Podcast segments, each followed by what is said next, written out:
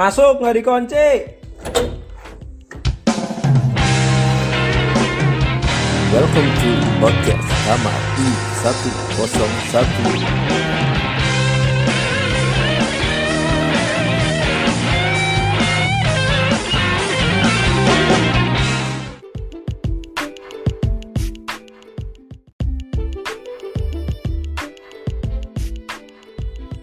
Assalamualaikum warahmatullahi wabarakatuh. Selamat datang di kamar I101 Barangkali Seto Abadi. Hari ini hari Minggu tanggal 4 Juli 2021 Semoga kalian sehat-sehat Semoga yang dengerin dapat banyak rezeki Dimudahkan semua caranya Amin. Diberikan kelancaran segala-galanya.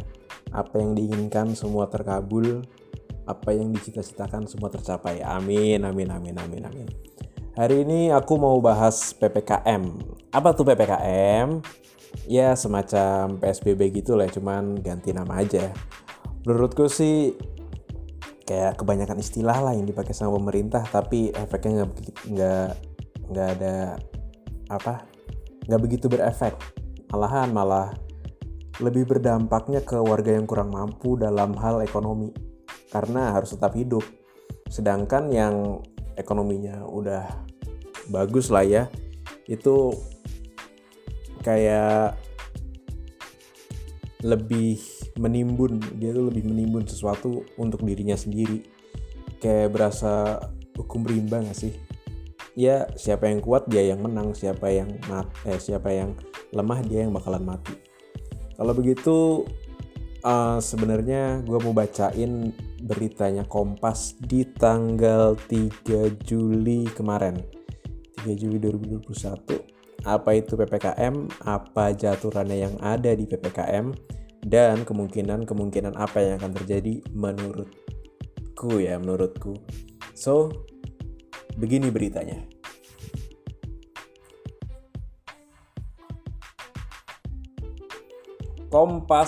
Kompas.com mulai hari ini Sabtu 3 Juli 2021 pemerintah menerapkan pemberlakuan pembatasan kegiatan masyarakat dalam kurung PPKM darurat di sejumlah daerah. PPKM darurat mulai berlaku hari ini hingga Selasa 20 Juli 2021 mendatang. Kebijakan ini diumumkan Presiden Joko Widodo melalui siaran live YouTube Sekretariat Presiden Kamis 1 Juli 2021. Saya memutuskan untuk memperlakukan PPKM darurat sejak tanggal 3 Juli hingga 20 Juli 2021 khusus di Jawa dan Bali. Kata Presiden Jokowi Dodo. Kebijakan diambil sebagai salah satu upaya memutus rantai penyebaran COVID-19 yang terus meningkat. Aturan lengkap PPKM darurat di sini ada beberapa 14 ada 14 sih di sini. 14 akan gue bacain satu-satu. Aturan lengkap PPKM darurat 1. Sektor non-esensial menerapkan 100% work from home atau WFH. Seluruh kegiatan belajar mengajar dilakukan secara daring atau online. Untuk sektor esensial diberlakukan 50% maksimum staff work from office dengan protokol kesehatan dan untuk sektor kritikal diperbolehkan 100% maksimal staff work from office atau WFO dengan protokol kesehatan. Cakupan sektor esensial meliputi keuangan dan perbankan, pasar modal, sistem pembayaran, teknologi informasi dan komunikasi, perhotelan, non penanganan karantina, serta industri orientasi ekspor. Sementara itu, cakupan sektor kritikal yaitu energi, kesehatan, keamanan, logistik, dan transportasi, industri makanan, minuman, dan penunjangnya, petrokimia, semen, objek vital, serta industri pemenuhan kebutuhan pokok masyarakat sehari-hari. Untuk supermarket, pasar tradisional, toko kelontong, dan pasar swalayan yang menjual kebutuhan sehari-hari dibatasi jam operasional sampai pukul 20.00 waktu setempat dengan kapasitas pengunjung 50%. Untuk apotek dan toko obat bisa buka full 24 jam.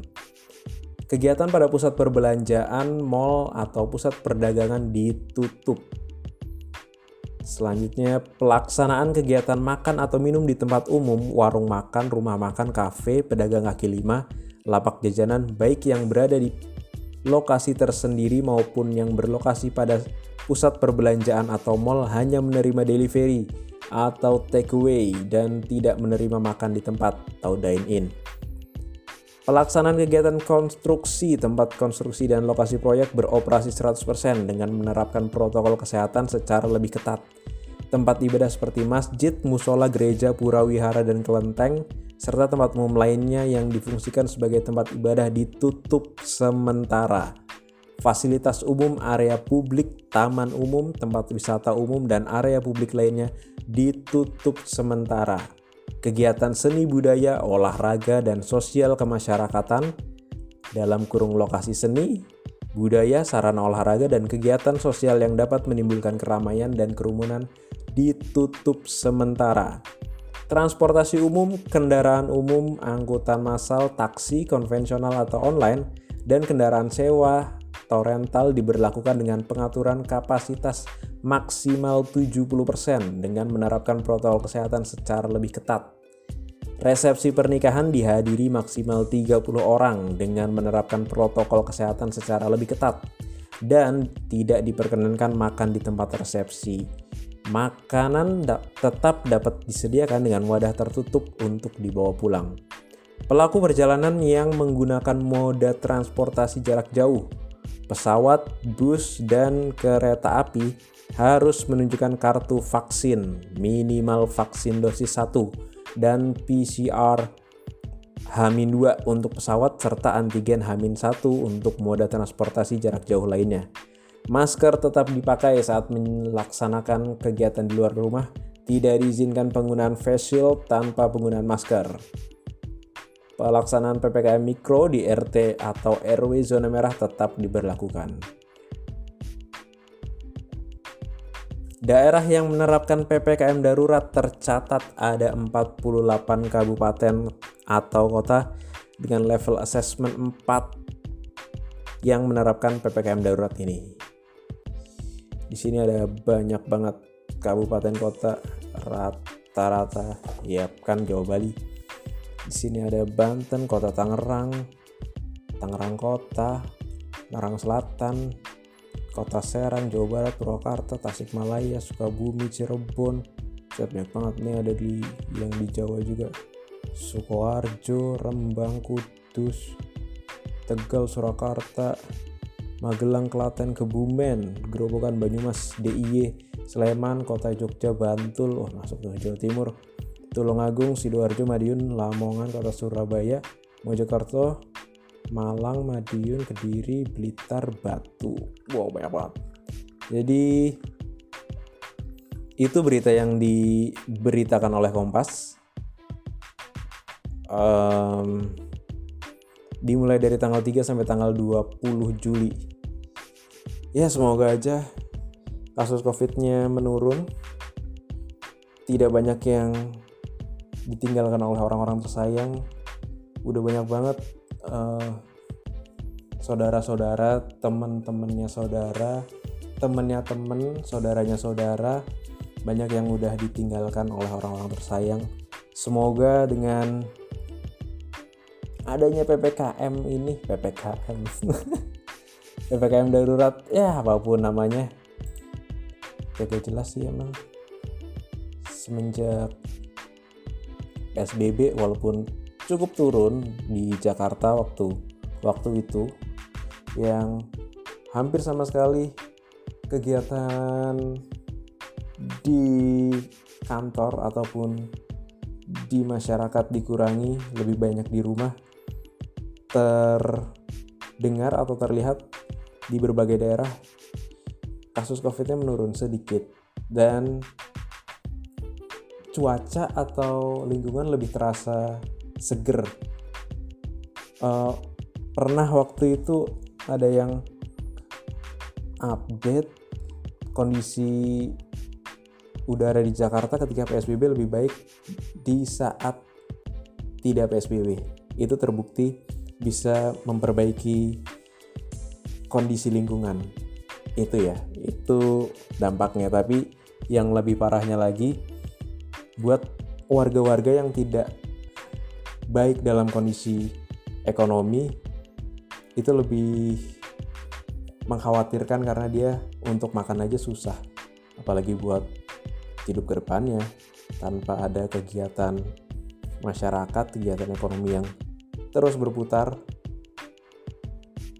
si warga yang kurang mampu ini jadi ya lama kelamaan akan mati. Gitu sih menurut aku semoga aja yang punya bisa memberikan ke yang tidak punya yang punya lebih bisa memberikan sesuatu ke yang membutuhkan. Semoga aja dengan apa pun sebutannya PPKM, PSBB,